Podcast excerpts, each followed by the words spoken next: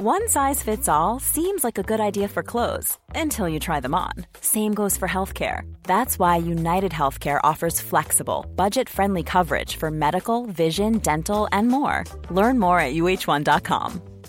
This is Paige, the co-host of Giggly Squad, and I want to tell you about a company that I've been loving, Olive and June. Olive and June gives you everything that you need for a salon quality manicure in one box. And if you break it down, it really comes out to $2 a manicure, which is absolutely insane. It's also so easy to get salon worthy nails at home with Olive and June. The difference between how your nails used to look when you did them yourself and now with the Manny system is a complete game changer. The best thing about Olive and June too is it's a quick dry, dries in about one minute, lasts for five days, and full coverage in up to one to two coats. Visit oliveandjune.com slash perfect Manny 20 for 20% off your first system. That's oliveandjune.com slash perfect Manny 20 for 20% off your first system.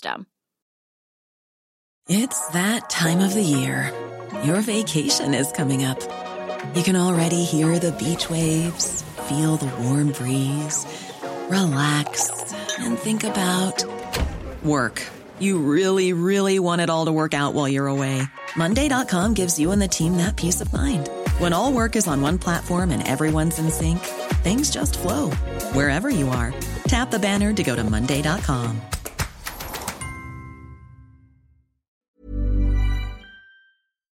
Du lytter til en podcast fra TV2. Når krigen i Ukraine skal afgøres, så bliver det en række østlige nøglebyer, siger præsident Zelensky. I ugevis har der været meldinger om, at en russisk overtagelse af byen Bakhmut var lige op over.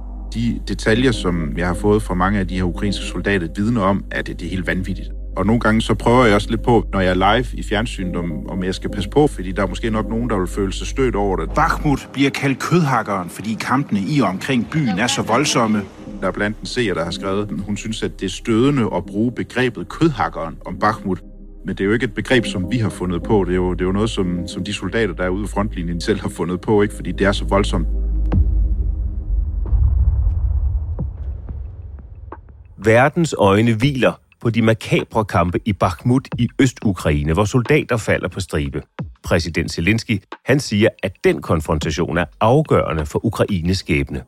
Så hvorfor spiller den front så vigtig en rolle? Dato i dag zoomer ind på en lille by med stor betydning for krigen. Jeg hedder Thomas Bug Andersen.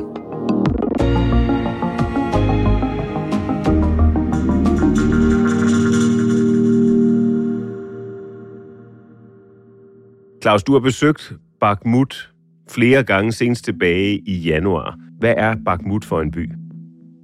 Bakhmut er en, øh, en, en industriby, som, øh, som jo ligger i Donbass. Man har en, øh, det, som de lokale kalder en champagnefabrik. Det her det er Claus Borg Reinholdt, vores korrespondent, som i øjeblikket opholder sig i den østlige del af Ukraine. Og derudover så er der også andre øh, større industrier, som har til huse i, i, i Bakhmut. Og så bor der jo også en, en masse mennesker, men de fleste af dem, de er jo flygtet derudfra, fordi at de russiske styrker, de kom tættere og tættere på byen, og lige nu, der er der meget, meget voldsomme kampe i og omkring Bakhmut. Hvad er det for en situation, der er i Bakhmut netop nu? Da jeg var der i, øh, i januar, der var der gang i den. Der var hele tiden artilleri. Man kunne høre hvert femte minut, øh, var der de her store brag her, altså bum, bum, bum, bum, bum. Som man kan høre, så er kampene altså rigtig, rigtig tæt herpå, og det vi får at vide, det er, at...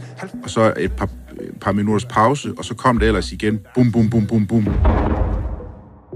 Det kørte egentlig konstant. Meget stressende i øvrigt øh, at være der. Vi var der jo kun lige et par timer. Man går hele tiden rundt og tænker, kunne der ramme et eller andet tæt på der, hvor vi er? Og det var så dengang i januar, og hvis vi så skruer frem til i dag, der er situationen blevet meget værre. Jeg har talt med ukrainske soldater, som fortæller om tæppebombardementer fra de russiske styrker. Det er øh, dag ud, dag ind, også om natten. Og det er så én ting, altså den her konstante artilleribeskydning af de ukrainske stillinger. Og så er der også angrebet fra infanteriet, altså det russiske infanteri, de russiske fodsoldater, som kommer gående imod øh, de ukrainske skyttegrave, der hvor de ukrainske soldater, de, øh, de forsøger at forsvare byen. Prøv lige at beskrive, Claus, hvor præcis du er. Jamen, jeg befinder mig i øh, Dnipro, som er en, øh, en stor by, der ligger i den, øh, i den østlige del af, af Ukraine. Dnipro er en, øh, en stor by, der ligger ved floden Dnieper, og øh, nu kigger jeg lige ud af vinduet, solen den skinner. Der er under fuldstændig fred, og der er masser af mennesker ude på gaden, og folk de går på café og, og restauranter og så videre, og ja, en, en ganske almindelig by, som, øh, som ligger et godt stykke fra frontlinjen, men alligevel så øh, bliver man mindet om krigen. Luftalarmen, den, øh, den lyder ud over byen en gang imellem, så, øh, så krigen, den er, den er allesteds nærværende. Jeg har fået at vide af, ukrainske soldater, at det, øh, de slag, der bliver der udfolder sig i den østlige del af Ukraine lige nu, det er, det er helvede på jord at befinde sig der. Og det bemærker man egentlig ikke rigtig her i Dnipro. Og, og det er her også, hvor der er rigtig mange sårede ukrainske soldater, de kommer til. Mange af dem, som kommer hertil, de kommer ud fra, fra frontlinjen. Hvad er det, de soldater, du møder, fortæller dig? De fortæller mig samstemmende, at Bakhmut lige nu er, er helvede på jord. De bliver øh, tæppebumpet af artilleri og morterer. Det er en ting. Og så er der noget andet også, som gør, at, øh, at kampen om Bakhmut, den er så voldsom lige nu, og det er, at, at russerne, de har så mange soldater, de har så meget fodfolk, de har så meget infanteri at gøre godt med, at, øh, at de bliver sendt ud i bølger. Det vil sige, at øh, de ukrainske soldater, de skal ikke bare passe på, at de ikke bliver ramt af, af morterer og granater, som kommer fra oven. De skal også passe på, når, når de russiske soldater, de angriber på jorden, altså med, med rifler og maskingevær og så videre. Og, og det sker altså fra morgen til aften, og også om natten, og det er specielt om natten, har jeg fået at vide, at, øh, at det russiske infanteri, fodsoldaterne, de, øh, de angriber. Jeg talte blandt andet med en, øh, en finskytte, We fight on 270 degrees, so uh, enemies uh, from the left side, from the front, and from the right side. So the only safe uh, place is our back. It's en ung ukrainer, som, øh, som er fra Kiev, 32 år. Han havde en episode ude ved Bakhmut, hvor han, øh, han så russiske soldater komme imod ham og hans øh, stilling, og det var om natten, og han ligger med sin øh, finskytte riffel, og så har han sådan en natkikkert på den her riffel her, og så kan han jo så følge de russiske soldater, som kommer imod ham. Han fortæller så, at øh, der kommer en gruppe på tre soldater imod ham og hans stilling. Han skyder den ene af de russiske soldater, og så den anden, han kigger bare på, øh, på den her faldende soldat, og så går han videre. Han bliver så også skudt, og, og det som, som Raman, som han hedder, ham finskytten, den ukrainske finskytte, han siger, at det virkede jo fuldstændig grotesk. Øh, jeg skyder en soldat, og så ham, der står ved siden af, som ikke er ramt endnu. Han søger ikke dækning. Han går bare videre, og ham rammer jeg så også. Ifølge Ramanda, øh, snigskytten, så vidner det jo om, at, øh, at, at russerne kaster bare folk ud mod de ukrainske stillinger, uden sådan øh, nogen nærmere strategi om, at, øh, at de vil kunne gøre noget. Men det, som han så også fortæller, det er, at, at han simpelthen ikke kan følge med. Han kan ikke nå at få ladt sit gevær, og så få skudt alle de soldater, der kommer imod de ukrainske stillinger. Og det er der, hvor Ukrainen de lider forholdsvis øh, store tab, det er, når, når det russiske infanteri de kommer tættere på de ukrainske stillinger, jamen, så når de så at få, få dræbt nogle af de her ukrainer her. Det lyder som en, øh, som, nærmest som en hær af russiske zombiesoldater. Hvor massivt er ukrainerne til stede i Bakhmut? De er massivt til stede. Der bliver kastet rigtig mange kræfter efter at, at forsvare øh, byen. Det er jo noget, der er blevet gjort til en, øh, en øh, militær øh, ambition om at kunne holde Bakhmut, og det er også en, øh, en politisk ambition at gøre det. Zelensky har jo været ude flere gange og sige, at øh, Bakhmut holder. Og det er jo så noget, som militæret de er nødt til at, at, at klappe hælen i og sige, okay, hvis øh, det kommer fra den, den øverste befaling i landet her, jamen så er vi nødt til at forsvare byen. Og det gør de også. Der bliver øh, roteret Det vil sige, at øh, mange af de ukrainske soldater, som er ude ved frontlinjen i Bakhmut, de er derude i en uge, måske to. Så er de så tilbage fra frontlinjen i eksempelvis byen Kramatorsk, hvor jeg mødte de her ukrainske soldater, hvor de så kan hvile sig, hvor de så lige kan, kan få behandlet de små skader, som de måtte have, have fået, mens de har været ude ved frontlinjen. Og så kører de ellers tilbage igen til frontlinjen, og alle dem, jeg talte med, selvom de fortæller om de her voldsomme, voldsomme angreb fra russerne, så siger de samstemmende til mig, at øh, jamen, selvfølgelig skal vi tilbage til frontlinjen, øh, efter at vi har fået hvilet os lidt. De fortæller jo om de her marits lignende tilstande, som er derude, men alligevel siger det, jamen selvfølgelig skal vi da tilbage, og det er også det, som jeg får at vide fra sårede ukrainske soldater. Jeg har også talt med sårede soldater, som ligger på, øh, på hospitaler. Der var blandt andet en, som havde fået, øh, fået sprængt næsten sin fod af. Han, øh, og han siger, jamen når jeg er klar igen, så skal jeg selvfølgelig øh, ud til frontlinjen nok en gang. Hvad er det for forhold, de ukrainske soldater bliver budt i øh, Kramatorsk og de andre byer, de kommer til, når de skal hvile og have en pause fra frontlinjen? De får næsten ikke noget søvn, og det gør de ikke, fordi at der er konstante angreb, men til sidst, så er man jo som menneske nødt til at hvile sig, og, og en af de soldater, jeg talte med, han sagde, at selvom at, at larmen fra artilleri og morterer og de her angreb her er så øh, øredøvende, så kollapser man på et eller andet tidspunkt, så får man måske en time, to timers søvn, og så er man så øh, nødt til at, at rejse op igen og, og kæmpe videre. Men når man så kommer ud fra frontlinjen, for eksempel til Kramatorsk, jamen så øh, ankommer soldaterne med deres oppakning, og så øh, går jagten ind på at finde et sted, hvor de kan bo. Det er ikke sådan, at øh, det ukrainske militær har, har booket hoteller for dem. Jeg spurgte en, en, en finskytte, Raman, den 32-årige øh, fyr fra, fra Kiev. Er der ikke nogen penge fra det ukrainske militær eller myndighederne for, at de kan finde et sted at bo? Så nej, det er noget, vi finansierer egen lomme. Så det galt om for dem, da jeg talte med dem, at øh, da vi så havde sagt farvel, jamen øh, så gik jagten ind på at finde et, øh, et sted, hvor de kunne bo. De spurgte blandt andet mig og også min, min, øh, min lokale producer, om, øh, om vi vidste noget om, hvor de, kunne, øh, hvor de kunne bo. Og vi havde så heldigvis et nummer på en mand, som øh, udlejede sin lejlighed, og så kunne de så blive indlogeret der. Og når vi taler om Bakhmut, så er det blandt andet, og ikke mindst fordi den ukrainske præsident Volodymyr Zelensky i den her uge har kaldt kampene netop der i det østlige Ukraine og blandt andet i Bakhmut for afgørende for Ukraines skæbne. Hvorfor er det, at netop de kampe, der udkæmpes nu, skulle være afgørende for landets skæbne?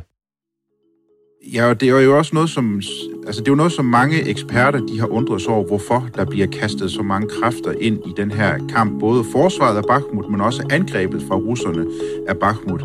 Fordi Bakhmut har som sådan ikke nogen strategisk betydning. Men hvis vi først tager russernes incitament til at angribe byen, jamen så skyldes det blandt andet, at øh, Prigozhin, det er ham, lederen, den her oligark, hovedrige, øh, forretningsmand fra Rusland, som også har sin egen leje her, øh, en her, som der bliver kaldt øh, Wagner-gruppen. Det man mener, det er, at han har sagt til Putin, giv mig en opgave, så skal jeg nok fuldføre den. Jeg har en privat leje her, og de skal nok udføre den opgave. Der er Bakhmut blandt andet med inde i den her liste over de ting, som Wagner-gruppen de har lovet, at de vil udføre. Det er en ting. Så er der også noget andet ved det hvis det lykkes russerne at indtage Bakhmut, jamen så vil det være et, øh, et skridt på vejen til også at begynde at angribe større byer, som ligger lidt vest for Bakhmut i Donbass-regionen, i Donetsk-regionen. Og det vil være en katastrofe for ukrainerne, hvis de også skal til at forsvare de byer. Det er Kramatorsk, det er Slaviansk og andre byer. Noget andet, som også spiller ind for årsagen til, at russerne de presser så meget på, det er, fordi de har ikke kunne præstere, de har ikke kunne præsentere særlig mange positive historier fra slagmarken i Ukraine. Hvis det lykkes russerne at tage Bakhmut, jamen så kan man sige, at vi kan altså godt stadigvæk, vi er en stærk her, og vi kan godt øh, erobre land. For ukrainerne, jamen der handler det her om at bevise over for Vesten, over for sig selv, over for Rusland, at med alle de kræfter, russerne har lagt i at erobre Bakhmut, hvis det lykkes ukrainerne at slå det tilbage, det enormt store pres, som russerne de lægger på byen, jamen så kan man komme rigtig langt i den her krig her. Og så er der selvfølgelig også det ved det, at der er tusindvis af ukrainske soldater, der har mistet livet ved Bakhmut. Og hvis Zelensky han lige pludselig bare siger, okay, det var det, vi trækker vores styrke ud af Bakhmut, og vi lader russerne få kontrollen over det, jamen så vil alle de soldaters liv, som der er blevet dræbt inde i Bakhmut, jamen det vil så være omsonst. Og det tror jeg, at rent politisk øh, ville være et slag for Zelensky, og det vil også gøre, at, at rigtig mange ukrainer, de så vil sige, jamen hvorfor i alverden skulle vi så kæmpe så lang tid om Bakhmut, som jo ikke har nogen strategisk betydning. Lad os lige dykke lidt mere ned i den russiske interesse i Bakhmut. Kan du sætte lidt flere ord på, hvorfor det er så altafgørende for russerne at slå til lige der? Det er vigtigt for russerne at kunne præsentere den, den russiske befolkning, altså indrigspolitisk, en sejr. Hver gang russerne de indtager noget land i Ukraine, jamen så er det en PR-sejr for dem. Så kan de fortælle, vi har mistet Kherson, vi har mistet store dele land i øh, Kharkiv-regionen. Vi var nødt til at trække os tilbage fra Kiev og så videre, men nu går det bedre. Nu har vi indtaget Bakhmut. Det er ikke sket endnu, men det er jo det, som de gerne vil. Ukrainerne på den anden side, de siger, at det kan godt være, at, at de ikke har nok ammunition, men øh, det er ikke rigtig noget, vi bemærker, fordi at øh, tæppebombardementerne, de fortsætter. Men årsagen til, at de ikke har indtaget Bakhmut endnu, det er fordi, at vores, altså ukrainernes forsvar, er så godt, at de ikke kan komme tættere på byen, end de er lige nu. Men hvis man sådan kigger på et kort, må man sige, at, øh, at russerne de er kommet et godt stykke vej. Altså, de har nærmest omringet hele Bakhmut. De laver sådan en kniptangsmanøvre nærmest, hvor de har bevæget sig oppe sydfra ned mod byen, og så også østfra, og nu begynder de også ned sydfra og nordfra at begynde at nærmest at omringe hele byen, og det er den store frygt fra de ukrainske soldater, som jeg har talt med, at man får omringet byen, og dermed vil rigtig mange ukrainske soldater være fanget, og, og det er det værste mareridt for en soldat, det er at blive omringet på den måde der, fordi så har man ikke nogen mulighed for at få forsyning ind, man har ikke mulighed for at få ammunition ind til de mennesker og de soldater, som, som så bliver omringet. Så hvis Ukraines skæbne afhænger af kampene i Øst, Bakhmut, hvordan ser ukrainernes fremtid så ud? De ukrainske soldater, som jeg har talt med, de siger, at moralen er høj. Den er meget høj. De er alle sammen sikre på, at det nok skal gå det hele. Men de siger så også samtidig, at de har behov for flere tunge våben. De har behov for tunge artillerisystemer, som kan ramme de russiske forsyningslinjer, som ikke ligger så tæt på frontlinjen. Fordi hvis man kan ramme de der forsyningslinjer med tungt artilleri, at man kan afskære de der forsyningslinjer, jamen så vil det være en, en game changer for ukrainerne, fordi så vil de kunne slå de russiske infanterienheder, som er tæt på frontlinjen, som har nærmet sig byen, så vil man kunne afskære dem fra at få tilført ammunition, tilført artilleri osv., også tilført soldater, infanteri, og det vil kunne gøre en, en kæmpe stor forskel. Så lige nu, der er det en direkte kamp, som bølger frem og tilbage. Russerne, de har momentum, måske en dag eller to, så skifter det så til ukrainernes side. Og det er de der bølger, som kommer frem og tilbage, som ukrainerne de gerne vil have brudt på en eller anden måde. Er du enig, Claus, din vurdering, din analyse med den ukrainske præsident i, at udfaldet at kampene i Bakhmut er afgørende for, hvor Ukraine bevæger sig hen? Både og. Zelensky, han er jo en politiker, og en af årsagerne til, at han er ude at sige det her, tror jeg, er, at der er så mange ukrainske soldater, der har mistet livet i og omkring Bakhmut i forsvaret af den her by her, at hvis han lige pludselig går ud og siger, okay, vi trækker os ud, jamen så vil alle de soldater, der har mistet livet der, det vil så have været omsonst. Så derfor tror jeg, at en af grundene til, at han er ude at sige, at blandt andet Bakhmut er nøglen til Ukraines fremtid, den er så, øh, så vigtig, at man ikke bare kan, kan sige, okay, nu, øh, nu forlader vi, vi Bakhmut. Det kan han ikke rent politisk. Øh, strategisk, der betyder byen egentlig ikke det helt store, bortset fra naturligvis, at man frygter, at hvis, hvis russerne de indtager byen, jamen så vil det være et, et skridt på vejen til også at angribe andre og større byer, som ligger i Donetsk-regionen, som ligger lidt vest øh, for Bakhmut, og det er naturligvis også frygten. Og så er der jo også den kæmpe store PR-sejr, der er fra Zelenskis side at sige, prøv at høre, med alle de kræfter, som russerne har lagt i at prøve på at erobre Bakhmut, det har vi slået tilbage. Man siger jo, at Ruslands hær er verdens anden største hær, anden stærkeste hær. Og hvis det lykkes ukrainerne at slå den tilbage i slaget om Bakhmut, jamen det vil kunne, øh, kunne manifestere sig i den ukrainske befolkning som en, en kæmpestor sejr. Tak skal du have, Claus, for den analyse og fortælling fra det østlige Ukraine. Det er Elisabeth Røl Yskes og Emil Laursen, der tilrettelægger dato i dag. Lyddesign, det står Leo Peter Larsen og Søren Valur for. Redaktør, Astrid Louise Jensen. Jeg hedder Thomas Bug Andersen. På genhør.